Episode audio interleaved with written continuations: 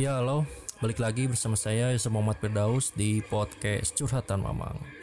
Podcast Curhatan Mamang rilisnya itu setiap hari Minggu. Jadi buat teman-teman yang nanyain kapan rilisnya podcast Curhatan Mamang hari Minggu. Tapi kita nggak tentu ya hari Minggunya itu seminggu sekali atau dua minggu sekali gitu. Nah langsung aja kita ke topik Eh, kali ini Yosep sih mau curhat dikit sih seputar podcast Indonesia. Oh ya, maaf agak sedikit berisik ya di belakang suaranya. Saya lagi di cafe, kebetulan ya lagi nyendiri aja lah, biar enak gitu.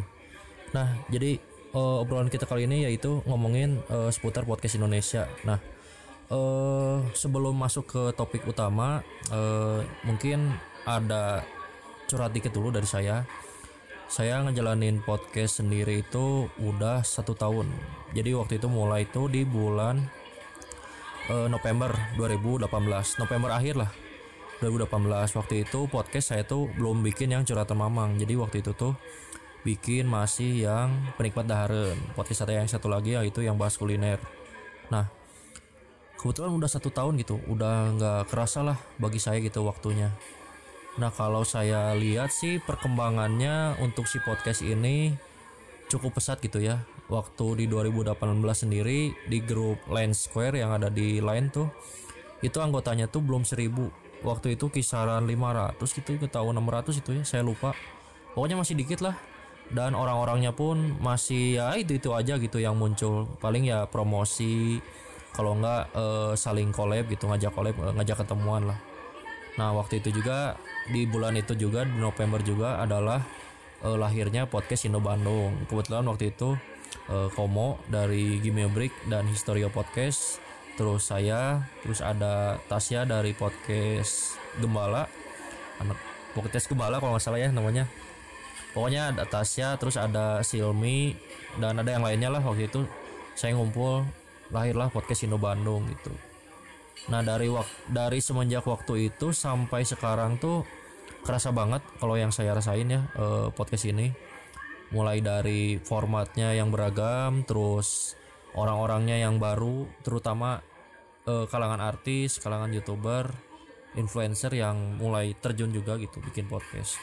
Sebenarnya yang paling menggebrak tuh menurut saya adalah ketika eh, Raditya Dika pertama kali membuat podcast. Dan waktu itu hebatnya adalah Raditya Dika tuh langsung ngundang Adriano Kalbi yang di mana Adriano Kalbi itu kebetulan pemain lama gitu ya di podcast. Eh, dia main di tahun 2015 itu ya kalau nggak salah kalau Iqbal kan di 2016 kalau yang saya ingat gitu ya. Nah eh, Bang Bang Adriano Kalbi itu di 2015 keren gitu Eh, Raditya Dika ngundang langsung eh, pemain lama podcast gitu. Dan ketika waktu itu orang-orang mulai banyak yang ini nih mulai banyak yang tahu gitu. Oh podcast tuh ternyata kayak gini gitu. Oh podcast tuh ternyata formatnya tuh bisa dibikin seperti ini bisa dibikin kayak gini gitu.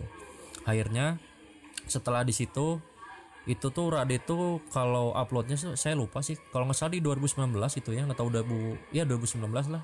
2019 awal di Februari gitu tahu berapa gitu. Pokoknya semenjak Radit ngenalin podcast tuh banyak tuh langsung artis yang mulai terjun ke podcast juga gitu. Contohnya banyak lah. Kalian bisa lihat di top 10 sekarang. Itu rata-rata kalau nggak penyiar eh, influencer eh, ya youtuber gitu yang bikin podcast tuh sekarang yang masuk di jajaran top 10 sekarang agak susah untuk eh, konten kreator dari podcast gitu yang benar-benar murni podcaster gitu tapi dia bisa masuk ke top 10 ya jangan top 10 lah minimal top 100 ada tapi beberapa gitu. Dan itu pun banyak kan pemain lama gitu. Nah kalau yang saya lihat sih perkembangannya cukup pesat banget. Ya dari situlah pokoknya mah sampai sekarang kalau kita lihat di grup Line Square yang ada di Line eh, podcast podcast Indo itu membernya ada 1600 berapa ya saya lupa. Pokoknya ada 1600an lah. Jadi udah banyak banget gitu. Tapi itu jangan salah eh, tangkap dulu. Jadi 1600 tuh bukan eh, bener semua podcaster gitu. Jadi itu tuh ada listener ada yang emang sebenarnya dia udah ada niatan untuk bikin podcast udah ada tema lah. Tapi dia eh, masih ragu-ragu gitu. Karena beberapa orang tuh yang saya lihat adalah ketika dia mau bikin podcast tuh masih mikirin kayaknya episode 1 tuh pengen bagus banget gitu pengen perfect banget. Sampai dia akhirnya ya nggak nggak bikin bikin gitu nggak mulai gitu. Nah saya mau cerita dikit. Dulu saya ketika bikin podcast tuh nggak kepikiran si topiknya mau ngambil topik apa gitu karena dulu tuh bingung juga gitu podcast gitu ya kan ngobrol tanpa kamera hanya bermodalkan mic bahkan tanpa mic pun bisa. Kalian cuma pakai mikrofon bawaan dari smartphone kalian tinggal pakai aplikasinya gitu. Bingung gitu waktu itu mau ngobrolin apa gitu ya. Dan setelah saya pikir karena saya waktu itu ketika waktu itu ketika saya kan masih kuliah gitu ya eh masih semester 7 gitu atau 8 7 kalau nggak salah. Saya kan hobi kulineran gitu ya sama teman gitu kenapa enggak ngambil topik di tentang kuliner gitu. Saya sebelum ngambil topik kuliner saya riset dulu ke podcast yang ada di luar negeri. Kebetulan kan di luar negeri podcastnya emang udah kayak YouTube lah. Udah industrinya udah gede banget udah udah apa ya pokoknya udah gede banget lah pokoknya udah saling ngebantu lah gitu di perusahaan di mana gitu. Terutama untuk monetisasinya udah mulai di sana mah udah berkembang banget gitu nah dari situ saya ngambil topik tentang kuliner. Waktu itu mungkin buat beberapa orang agak aneh eh, saya ngambil podcast eh, temanya tentang kuliner gitu. Padahal waktu itu saya mah ya udahlah karena saya emang jagonya di situ gitu ya di kuliner ya walaupun sebenarnya nggak jago-jago amat gitu cuman saya emang tahu lah bidangnya di situ ya kenapa enggak gitu dicoba aja. Akhirnya dicoba memang waktu episode awal tuh agak-agak buruk gitu ya kan. Kebetulan saya belum punya mic uh, lavalier yang sekarang ini saya pakai. Waktu itu suaranya masih jelek lah pokoknya. Tapi waktu itu saya uh, mikirnya ya udahlah bikin dulu gitu. Jalani aja dulu gitulah. Nanti uh, apa kumpul sama komunitas kumpul sama teman-teman yang lain saling sharing. Oh ternyata yang benar tuh kayak gini gini. Ya akhirnya saya banyak belajar dari teman-teman podcaster yang lain juga gitu ya. Termasuk dari teman-teman di podcast Indo Bandung waktu itu banyak banget lah saya ilmunya dapat gitu. Ternyata yang ini tuh kayak gini yang ini kayak gini gitu. Udah sampai akhirnya uh, sekarang podcast saya masih lanjut yang penikmat daharan tuh. Sekarang udah sisa dua uh, season 2 kalau yang curhatan mamang ini masih season 1 lah jadi belum ada season 2 nya kalau yang penikmat darin itu udah season 2 nah setelah ngomongin tadi ya, impresi saya dalam satu tahun eh, sekarang kita ngomongin perkembangan podcast di Indonesia. Nah kalau perkembangan sih ya yang tadi saya sebutin termasuk ya kayak eh, influencer udah mulai masuk youtuber udah mulai masuk artis-artis udah mulai pada bikin podcast. Mereka yang awalnya beberapa adalah yang dulu uh, awalnya di YouTube sekarang udah mulai beralih ke podcast. Bahkan ada yang upload juga di YouTube. Upload di podcast upload gitu. Nah kalau lihat perkembangan sih kalau menurut saya sih ya ini menurut pendapat pribadi saya nggak ngejelekin podcaster yang lain. Cuman kalau yang saya lihat perkembangan mungkin podcaster banyak gitu ya nambah gitulah secara si konten kreatornya gitu. Tapi secara statistik orang-orang yang bertahan di industri podcast eh, bukan industri ya pokoknya di di podcast ini gitulah di dunia podcast ini itu orang-orangnya dikit gitu yang bertahan tuh jadi kak e, kalau Yosef lihat tuh banyak kan e, mereka bikin tapi ya udah gitu. Bas berapa bulan e, hiatus hilang gitu. Ada lagi bikin topiknya udah bagus itu e, pembahasannya udah bagus hilang lagi gitu. Jadi ya emang di grup Line Square-nya nambah tuh 1600 tapi kalau yang kalau kalian gabung gitu ya kalau ini buat teman-teman yang buat yang belum join gitu di grup Line Square Podcast Indo kalau kalian join tuh yang promosi itu sebenarnya orangnya itu itu lagi gitu. Paling kalau dihitung ya ratusan lah gitu. Dari semua dari 1600 tuh paling ratusan gitu yang sering upload gitu. Sisanya mah bulan ini doang upload udah. Tiga bulan hilang nanti upload lagi gitu. Jadi kayak masih gimana ya? Jadi masih kayak belum niat gitu. Ya mungkin alasan utamanya adalah uh, di monetisasinya gitu kan. Karena YouTube pun dulu gitu kan. Dulu YouTube sebelum ada monetisasi orang-orang ngapain sih bikin video di YouTube gitu kan? Gaje uh, bikin ada video yang lagi main game ada yang lucu-lucuan doang gitu kan. Termasuk sekarang podcast juga kurang lebih kayak gitulah kalau yang saya tangkap gitu. Jadi orang-orang tuh karena mungkin tidak ada motivasi Eh, nggak uh, ada monetisasi karena nggak dapat uang jadi ya udah jadi bikinnya ya udah gitu ngasal gitu. Jadi kayak iseng-iseng doang bahkan kalau di sekarang tuh di Line Square tuh ada yang baru masuk langsung nanya e, kak eh dapetin uang dari podcast tuh gimana sih? Nah orang-orang di grup tuh sebenarnya bisa jawab cuman karena eh di satu sisi nggak bisa jawab di satu sisi mereka juga bingung sebenarnya karena buat eh, yang belum tahu jadi kan di hosting eh, podcast yang paling terkenal tuh sekarang Anchor. Anchor kan eh, hostingnya gratis gitu ya nggak bayar kalian cuma daftar pakai email atau pakai Facebook bisa. Kalian udah bisa bikin podcast langsung bisa upload di Spotify gitu. Dan di uh, yang lain kayak di Google Podcast, Apple Podcast dan lain-lain gitu. Itu gratis nah. Cuman di Anchor tuh sebenarnya udah ada monetisasi tuh. Jadi monetisasinya tuh iklan iklannya tuh nanti uh, disediain oleh mereka. Udah ada skripnya gitu. Nah kita tinggal baca. Nah nanti ketika iklan itu udah ditempel di episode uh, podcast kita nanti dihitung uh, per apa gitu ya. Nggak tahu per play nggak tahu per apa gitu. Hitungannya lupa lah pokoknya mah ada hitungannya lah. Pokoknya per itunya tuh 10 dolar dapat uangnya tuh. Cuman yang jadi masalah adalah si monetisasi ini tuh baru tersedia di uh, Amerika. Jadi di negara Indonesia belum ada di negara Eropa yang lain juga belum ada gitu. Bahkan orang-orang yang orang luar gitu yang di Jerman yang di Swiss yang di mana itu sering komen tuh di IG Anchor tuh kapan monetisasi ini? Kapan? gitu. Termasuk orang Indo gitu. Orang Indo juga sering nanyain bisa nggak sih monetisasi? Nah di grup tuh jawabannya pasti itu. Di grup yang lain Square tuh. Monetisasi itu bisa cuman masih tersedia di Amerika gitu. Jadi rekeningnya harus yang dari Bank Amerika dari ininya pokoknya berkas-berkas kayak gitunya harus yang dari Amerika gitu. Nggak bisa uh, untuk Indo tuh belum bisa gitu.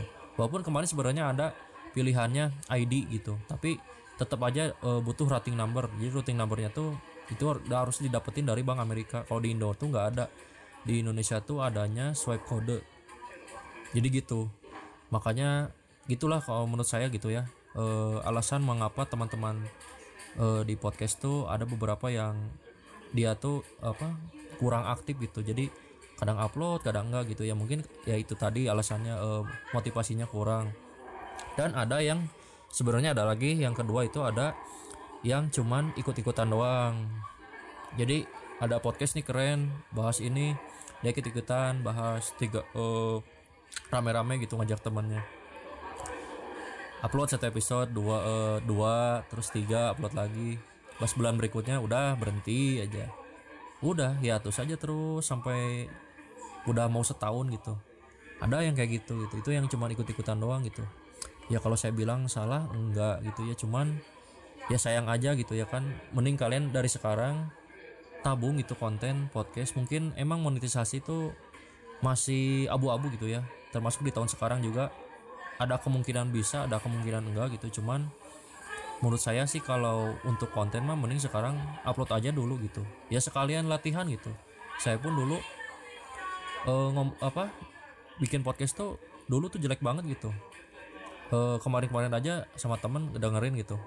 Sama Gali sama Bang Bang ya sama host-host di podcast cerita Mama dengerin episode lama.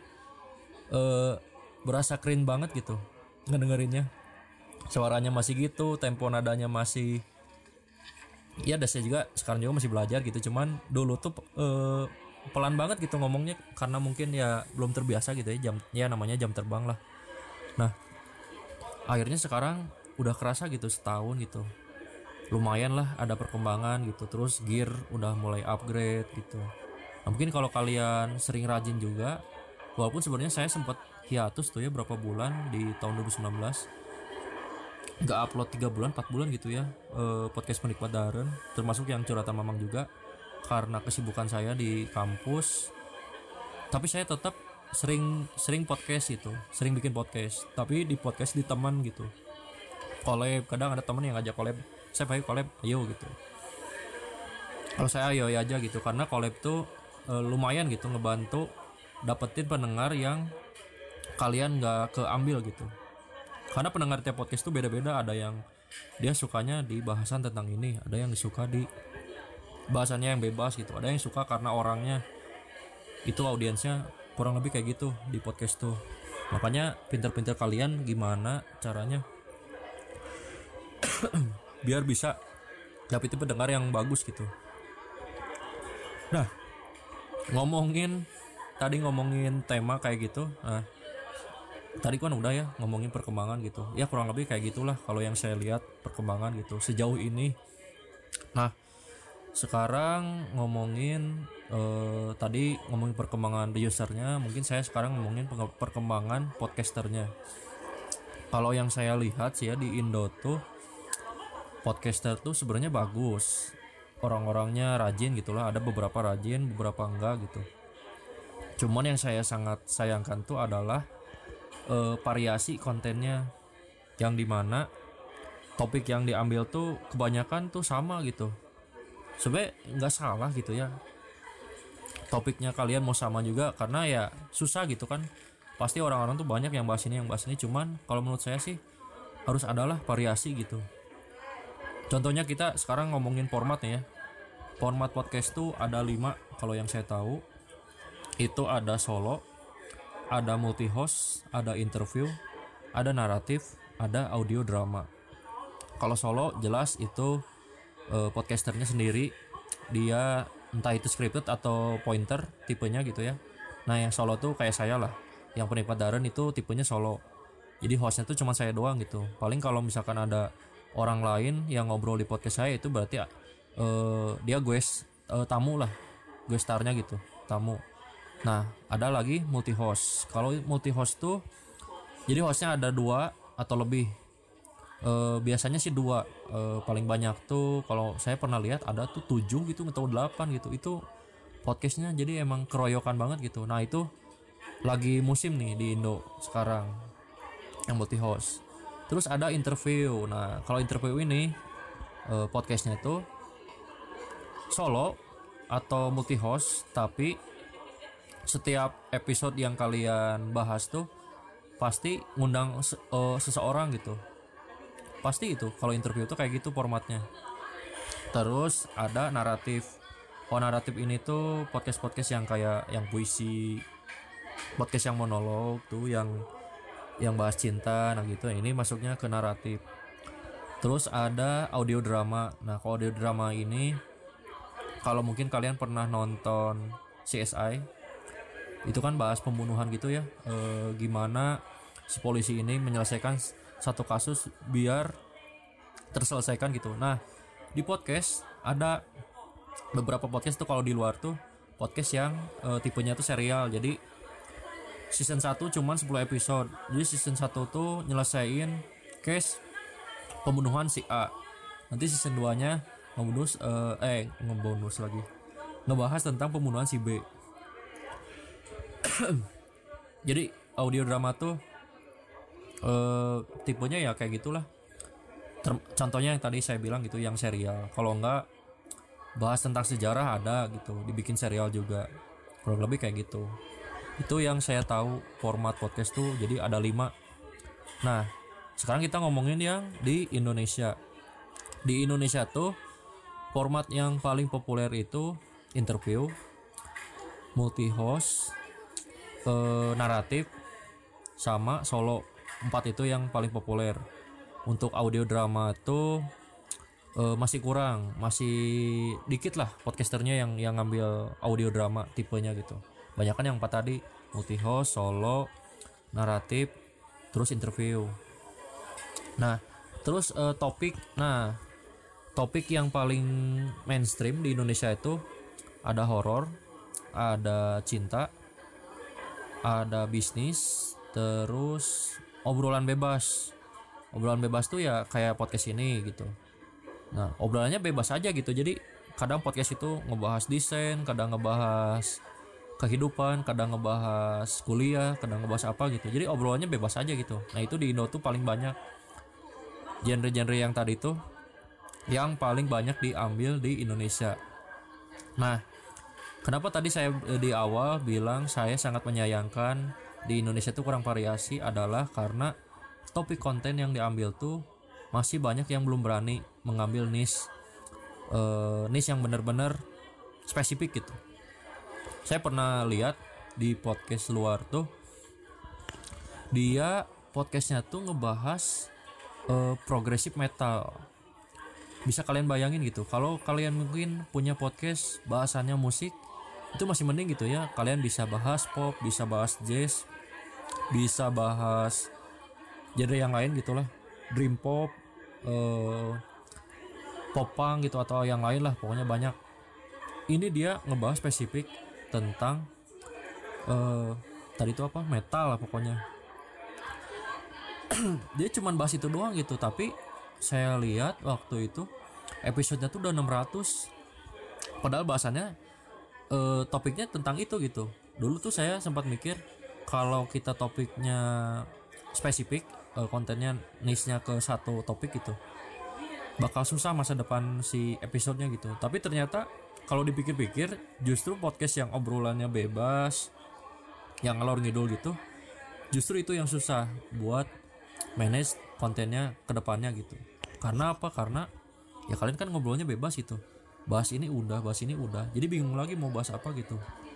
Itulah alasan kenapa saya podcast penikmat daren ngambil topik di kuliner. Karena kalau kuliner makanan banyak kan ya. Jadi eh, kadang saya juga nggak bahas makanan aja sih. Kadang bahas sisi ceritanya di tempat ini tuh dulunya kayak gini. Ada sejarahnya gitulah. Ya ada trivia trivia dikit gitu. Terus ada teman saya juga eh, Gali. Eh, dia punya nama podcastnya berdistorsi nah itu dia bahasnya tentang musik. Musiknya ya musik underground kayak metal death metal hardcore dan lain-lain gitu. Spesifik bahas itu jadi enak gitu kalau bahasnya yang spesifik tuh. Eh bahasannya jadi ke depannya ya bakal ada terus gitu. Gampang eh, manage kontennya dan untuk nyari pendengarnya lebih gampang juga karena kalian udah tahu gitu kita pu- punya pendengar tuh yang misalkan kita punya pendengar 500 lah atau 100 lah katakan yang 500 punya pendengar 100 suka topiknya satu tentang makanan atau tentang musik atau misalkan tentang podcasting lah. Itu eh, podcasting yang eh podcast yang ngebahas tentang podcast tuh eh, tentang eh, bikin podcast dan kayak gitu tips-tipsnya itu Bang Rane di podcast Suarane podcast. Nah contohnya kayak gitu. Eh pendengar tuh 100 sukanya di satu konten itu. Udah kalian tuh gampang banget. Si 100 orang itu gimana caranya biar dengerin mereka bakal tetap dengerin karena ya satu orang itu punya satu kesukaan yang sama gitu. Dibandingkan kalian punya konten eh, podcast yang bebas yang obrolan yang ngalur ngidul punya kalian punya pendengar anggaplah 50 dalam 50 orang itu tuh belum tentu dia punya eh, kesamaan eh, topik yang yang dia suka gitu bisa aja dari 20-nya suka musik dari 10-nya suka desain terus dari 20-nya lagi suka obrolan lucu gitu. Nah itu kekurangannya tuh adalah di situ. Itu satu ya jadi eh, topiknya kurang variasi di Indonesia tuh. Terus eh, ya kalau menurut saya sih kalau untuk saat ini ya kayak gitu sih ya kalau di Indo tuh. Belum berani ngambil topik yang benar-benar spesifik padahal mah kalau kata saya kalau ngambil topik yang spesifik tuh bagus banget gitu. Sampai saat ini pun saya belum nemu podcast yang ya minimal kalau kalau di YouTube tuh kayak kok bisa. Jadi ngebahas eh, trivia tentang misalkan jika bom nuklir eh, terkena Indonesia apa dam- eh, yang terkena dampak eh, kota mana aja gitu. Belum ada tuh podcast yang edukasi. Mungkin ada cuman jumlahnya mungkin masih dikit lah masih hitungan jari gitu terus podcast yang audio drama tuh aduh audio drama tuh masih dikit banget. Di Bandung sendiri ada satu podcast eh, tentang audio drama yaitu namanya podcast Madar. Kalian bisa dengerin. Itu keren banget. Ngebahas tentang kriminal juga itu tentang pembunuhan gitu. Episodenya tuh kalau nggak salah udah dua episode. Karena itu pembuatan episodenya emang cukup effort tinggi untuk audio drama tuh karena tidak seperti podcast biasa yang saya sedang obrol ini. Kan ka- kalau saya sih ini kan tinggal ngobrol gitu ya. Duduk di kafe minum sambil ngobrol gitu pakai mic. Kalau audio drama tuh lebih effort tinggi karena orangnya bisa banyak. Bisa lima atau tiga gitu. Belum kasih sound effect dan yang lain gitu. Itulah audio drama tuh emang agak susah tapi memang hasil podcastnya tuh bagus banget dibanding podcast yang biasa kayak ngobrol-ngobrol gitu. Kalau kalian dengerin deh coba dengerin eh, podcast Madar terus mungkin kalau yang di luar podcast luar tuh ada namanya serial. Cari aja serial di Google Podcast ada tuh. Nama podcastnya serial. Itu sama tentang pembunuhan juga. Keren lah. Ya itu yang audio drama gitu. Nah itu pokoknya lah. Intinya di Indonesia tuh belum berani mengambil topik atau nice yang niche yang spesifik.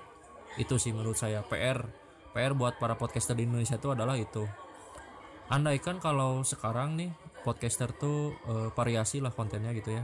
Berani ngambil topik ini saya yakin sih eh, podcast Indo tuh bakal kayak di podcast di luar gitu. Monetisasi monetisasi cepet mulai ada gitu.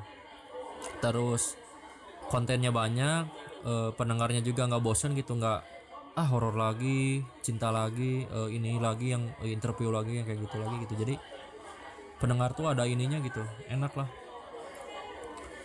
Terus perbandingan Indonesia eh perbandingan podcast Indonesia dengan podcast luar. Nah kalau perbandingan masih kalau dari pendapat saya ya itu jauh banget gitu. Karena podcast luar kan udah dari lama dari 2004 2006 gitu ya. Pokoknya dari mulai karena sejarahnya podcast tuh kalau buat buat yang belum tahu itu dari iPod. Jadi mengapa namanya podcast? Jadi pod itu eh podnya itu adalah iPod cashnya itu adalah broadcast. Jadi iPod broadcasting. Itulah awal sejarah podcast tuh kurang lebih kayak gitu.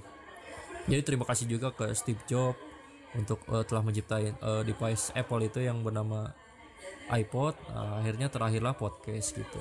Karena emang dari awalnya juga dari device Apple gitu terlahirnya podcast ini tuh. Nah di luar lebih dulu eh formatnya sama lah kurang lebih kayak gitu. Terus ada radio. Nah radio juga sekarang banyak tuh yang ke terjun juga ke podcast gitu. Terus ada yang bilang waktu itu sih ada yang bilang teman saya eh podcast ini tuh sebenarnya eh, bakal ngeganggu keberadaan si radio ini enggak sih? Ke- eh, ngeganggu industri keberadaan radionya gitu menurut eh, pendapat pribadi saya sih kalau radio itu nggak akan mati karena radio tuh industrinya udah lama banget dibandingkan podcast yang sekarang baru ya baru berapa tahun gitu ya di Indo eh, baru naik naiknya tuh tahun kemarin lah gitu. Eh, menurut saya tuh malah bakal saling bantu gitu. Si podcast ini tuh saling ngebantu ke radionya buat eh, radionya tuh lebih naik lagi gitu. Si s- apa channel siarannya gitu. Terus saling ya intinya mah saling ngebantu lah kalau yang saya lihat mah. Nggak nggak apa nggak nggak mematikan industrinya gitu. Karena ya radio mah tetap bakal ada orang-orang yang dengerin radio gitu. Bahkan waktu itu saya pernah diajak interview di radio. Yang saya lihat kayaknya ini radio nggak ada yang ngedengerin gitu. tapi ternyata ada gitu yang ngedengerin. Nah itu yang membuktikan bahwa radio tuh masih banyak gitu yang ngedengerin gitu. Ya kalau eh, nggak disangka-sangka lah gitu jadi jawabannya adalah apakah podcast mematikan industri radio? Eh, menurut saya tidak gitu. Karena podcast sendiri itu ngebantu banget eh, radio buat tetap naik namanya terutama radio-radio gede gitu. Di Bandung sendiri eh Ardan tuh kan terkenalnya tuh upload Nightmare gitu ya. Buat mungkin buat yang orang Bandung yang generasi dulu lah pasti tahu Nightmare tuh di uploadnya di malam Jumat. Eh di upload lagi. Siarannya tuh malam Jumat jam 10 jadi kalian tuh harus bener-bener ngedengerin di jam 10 malam Jumat gitu. Itu dulu tuh kayak gitu effort banget lah. Nah sekarang Ardan eh, punya nih podcast. Jadi kalau kalian mungkin yang ketinggalan ngedengerin Nightmare bisa dengerin di podcastnya Ardan. Itu itulah kata saya juga podcast tuh sangat ngebantu banget gitu buat sekarang di radio gitu. Mungkin ada kan beberapa program radio yang siarannya eh, disimpan di podcast ada gitu di ini. Kayak di radio apa ya kalau di luar tuh lupa gitu. Adalah pokoknya. Nah jadi gitulah eh, kalau ngebandingin podcast luar dengan podcast Indo tuh masih jauh banget. Di luar tuh monetisasi udah ada. Terus eh, waktu itu saya pernah lihat ada statistik iklan yang nunjukin seberapa banyak eh, iklan yang ada di podcast gitu podcast yang di luar. Dan itu tuh eh, si statistiknya emang lumayan cukup saya lihat cukup gila juga gitu ya. Eh, paling tinggi ada di topik ini gitu yang paling banyak iklan gitu. Eh, terus ada yang di topik ini yang iklannya di, di industri apa gitu. Jadi detail banget gitu. Itu di luar tuh udah udah sampai kayak gitu. Nah mungkin di Indo ya mungkin tahun sekarang lah ya insya Allah lah ya. Tahun sekarang mungkin eh, monetisasi mulai ada. Nah mungkin kita juga ke depannya mungkin bakal ada statistik kayak gitu gitu. Nah kemarin juga sebenarnya Bang Rane eh, bikin survei kecil-kecilan untuk podcast Indo. Cuman itu kalau di survei itu sih lebih ke podcast apa aja yang didengerin terus topik apa aja yang sering dipilih terus berdasarkan hostnya terus atau topiknya atau tentang apanya gitu. Terus eh, yang paling banyak mana podcastnya dan banyak lah pokoknya. Jadi surveinya kan masih segitu. Nah kalau yang di luar tuh saya lihat surveinya tuh emang udah sampai ke iklannya gitu. Jadi istilahnya mah apa ya? Eh, ibaratkan eh, ini influencer terus ini ada eh, suatu brand yang mau nge-endorse ke si influencer ini gitu. Nah kan itu influencer kan beda-beda ya nge, nge apa ngepromosiin barang-barang tuh. Kadang ada yang kosmetik ada yang makanan ada yang jasa gitu. Nah di podcast juga sama gitu. Yang saya lihat statistiknya tuh ada yang di eh, kategori cerita eh, yang paling banyak iklannya tuh dari industri apa. Ditunjukin tuh detail banget gitu. Itu gila sih itu statistiknya. Di luar udah sampai kayak gitu gitu podcast tuh. Dan kalau lihat format terus variasi kontennya tuh di sana sih kalian bakal terkagum-kagum gitu. Kalau kalian sering main ke Google Podcast ke pokoknya hostingnya jangan Spotify deh. Kalau Spotify itu kurang komplit sih menurut saya kalau podcast luar. Kalian mainnya ke Google Podcast terus lihat lihat lihat aja di genre-genrenya. Terus kalian dengerin deh satu deh. Dengerin satu atau yang episodenya udah ratusan gitu. Gila sih keren. Udah sampai segitunya gitu masang iklan ada yang di awal ada yang di pertengahan ada yang bahkan di momen lagi ketawa-ketawanya ya, dengerin podcast itu lagi rame-ramenya ada iklan gitu. Podcast luar tuh udah udah kayak gitu. Mungkin ya di Indo entah kapan lah ya. Semoga sih tahun ini saya harap sih tahun ini udah mulai monetisasi. Jadi podcast podcast sudah mulai termotivasi lah gitu. Nah itu perbandingan podcast Indonesia dengan podcast luar. Secara konten secara variasi konten eh, format masih kalah dengan di luar. Di luar mereka udah berani ngambil tema yang spesifik niche yang spesifik. Makanan ambil makanan. Eh orang-orang Indo waktu itu ada yang ngomen ke saya di di grup lain podcast eh, dia di Line Square. Eh kalau makanan itu gimana gitu? Kalau di podcast terus kenapa nggak bikin YouTube aja? Ya saya juga bingung gitu ya ngejawabnya. Ya kalau saya bikin YouTube mah dari dulu juga bikin gitu. Mak itu alasan ke saya kenapa bikin podcast ya karena emang nggak mau di YouTube gitu. Dan mereka tuh nggak tahu sebenarnya kalau di luar tuh podcast makanan tuh ada eh, yang ngebahas kuliner tuh. Ada yang ngebahas makanan secara kultur. Misalkan eh, kalau di Indo gitu ya misalkan kita bahas gehu gehu secara kultur di orang Indonesia tuh kayak gimana? Di misalkan kita ngomongnya di daerah Jawa Barat nih. Orang-orang makan gehu tuh di jam berapa terus ngomong di apa eh bukan ngomong. Pokoknya makannya di jam berapa terus ada yang gehu tuh dimakannya sama nasi terus ada yang cuman sarapan ada yang eh, buat ngopi. Kurang lebih kayak gitu. Nah di luar negeri tuh ada eh, podcast yang kayak gitu ngebahas kultur makanan kayak spaghetti nah spaghetti di Itali tuh kayak gimana? Dibahas. Ada juga yang ngebahas apa yang orang-orang makan di era 2000 berapa 2000 berapa itu ada yang kayak gitu gitu. Gila gitulah kalau saya lihat sih. Topiknya tuh emang spesifik banget tapi mereka bisa tetap terus itu bikin konten. Nah itu yang jadi motivasi saya eh, ngebikin podcast eh, kuliner saya yang penikmat dahareun gitu. Itulah bedanya lah podcast luar dengan podcast Indo jauh banget gitu. Jadi mungkin PR buat teman-teman podcast eh, Indo kontennya kalian harus berani lah ngambil niche yang spesifik gitu.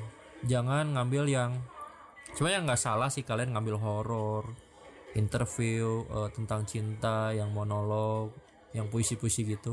Nggak salah cuman eh, kalian harus misalkan kalau kalian memang minat eh, ngertinya di bagian ini ya udah kalian bahas itu gitu. Misalkan kalian ngerti eh, tentang kesehatan ya udah bahas kesehatan gitu.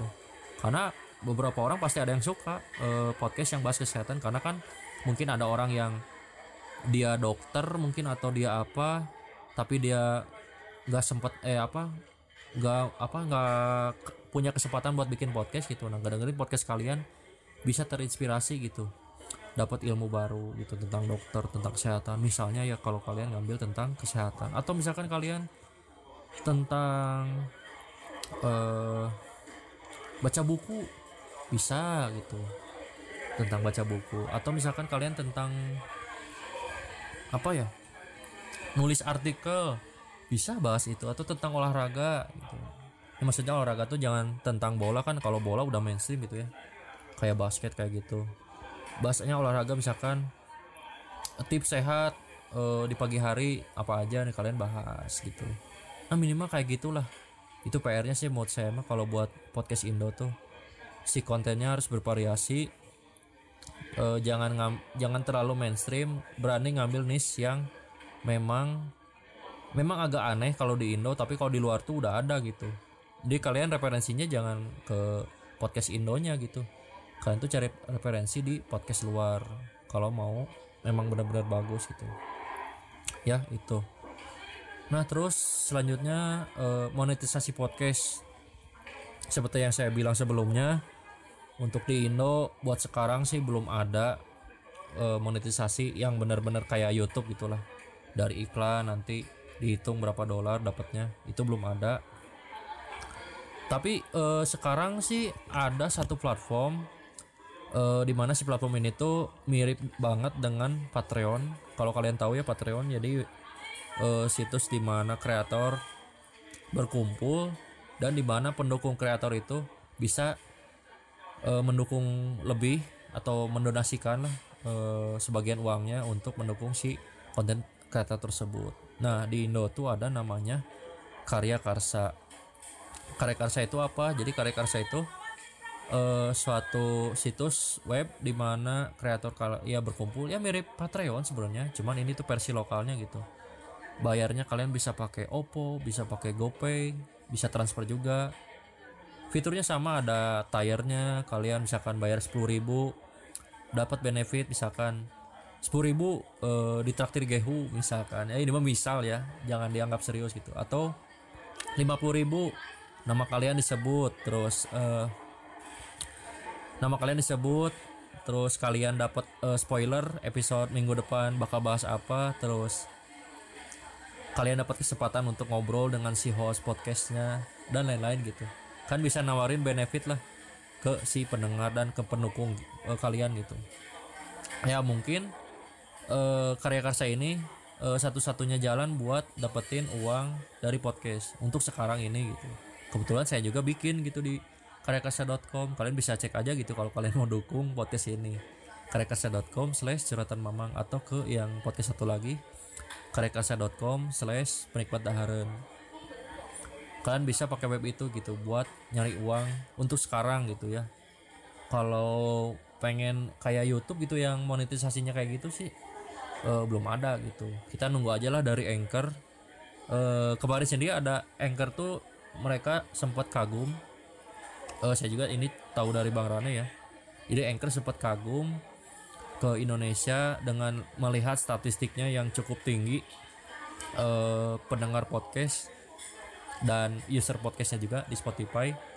Karena kan Anchor tuh udah dibeli ya sahamnya sama si Spotify jadi uh, jadi dia tahu gitu statistiknya dari mana. Nah dari Spotify. Jadi penggunanya tuh paling banyak di Indo tuh Spotify. Nah mungkin ya harapannya si Anchor ini segeralah ya. E, nambahin fitur monetisasi nggak hanya di US doang di Amerika Serikat doang itu di Indo juga termasuk di negara lain gitu.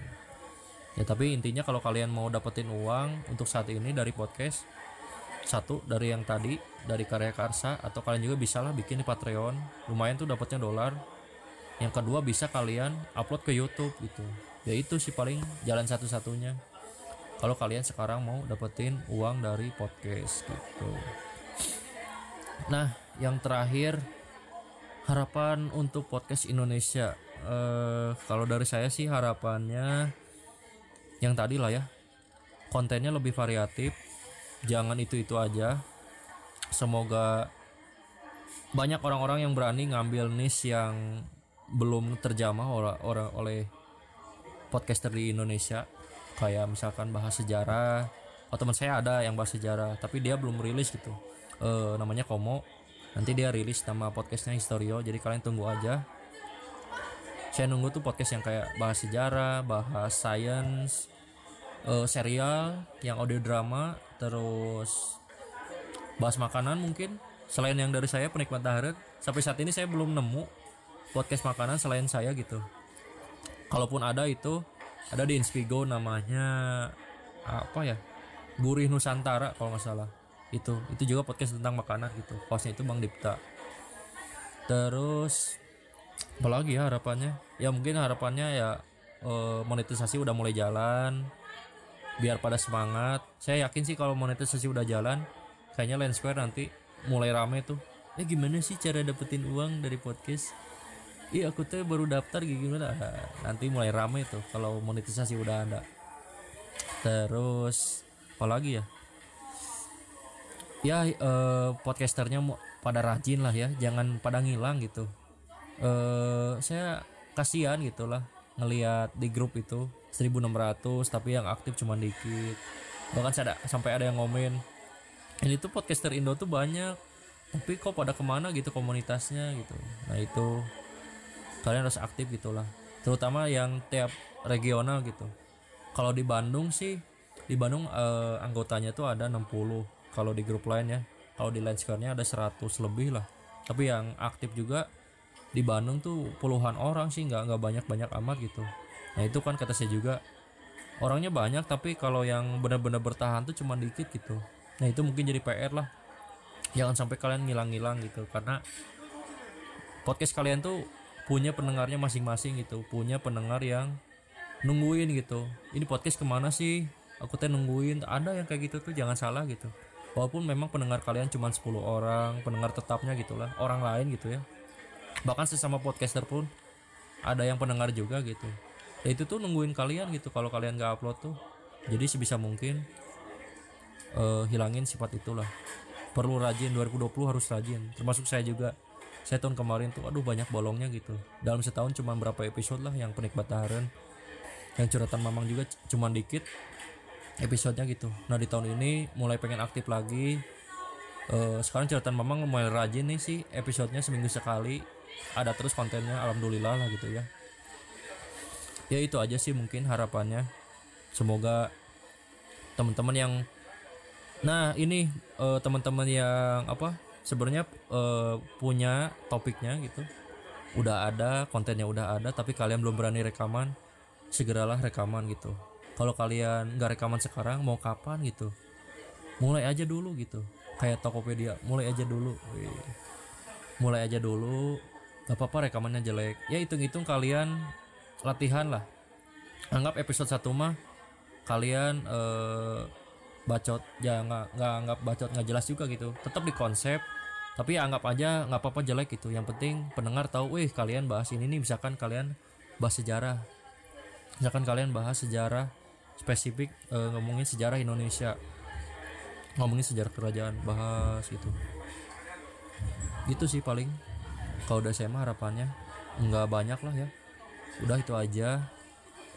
Semoga podcast Indonesia tetap maju regional tetap apa ya tetap aktif Bandung Jakarta Jogja Malang dan kota lain. Saya tunggu sih kota lain. Semoga pada aktif. Jangan Bandung sama Jakarta aja dan Jogja yang Malang dan lain-lainnya gitu. Kota-kota lainnya ditunggu kayak Surabaya. Saya belum dengar sih yang dari Surabaya mana. Terus dari Kalimantan dari Sumatera. Ya itu aja mungkin harapannya. Udahlah ya udah beres. Ini masih berisik nih di kafe segitu aja mungkin dari saya ya Muhammad Firdaus. Oh ya buat kalian yang mau dukung penuh podcast curhatan mamang kalian bisa dukung kita di karyakarsa.com slash curhatan mamang. Terima kasih udah dengerin sampai menit ke terakhir ini. Semoga bermanfaat. Eh, trivianya seputar podcast Indonesia. Dan ini adalah murni pendapat pribadi saya. Jadi jangan kalian anggap mungkin eh, mungkin ada yang merasa tersindir kalian jangan baper. Ini hanya pendapat pribadi saya aja. Keresahan yang saya pendam gitu selama ini selama eh, terjun di industri podcast ini gitu. Ya semoga kalian bisa dapat hikmahnya lah. Dah gitu aja. Thank you. Sampai jumpa di episode berikutnya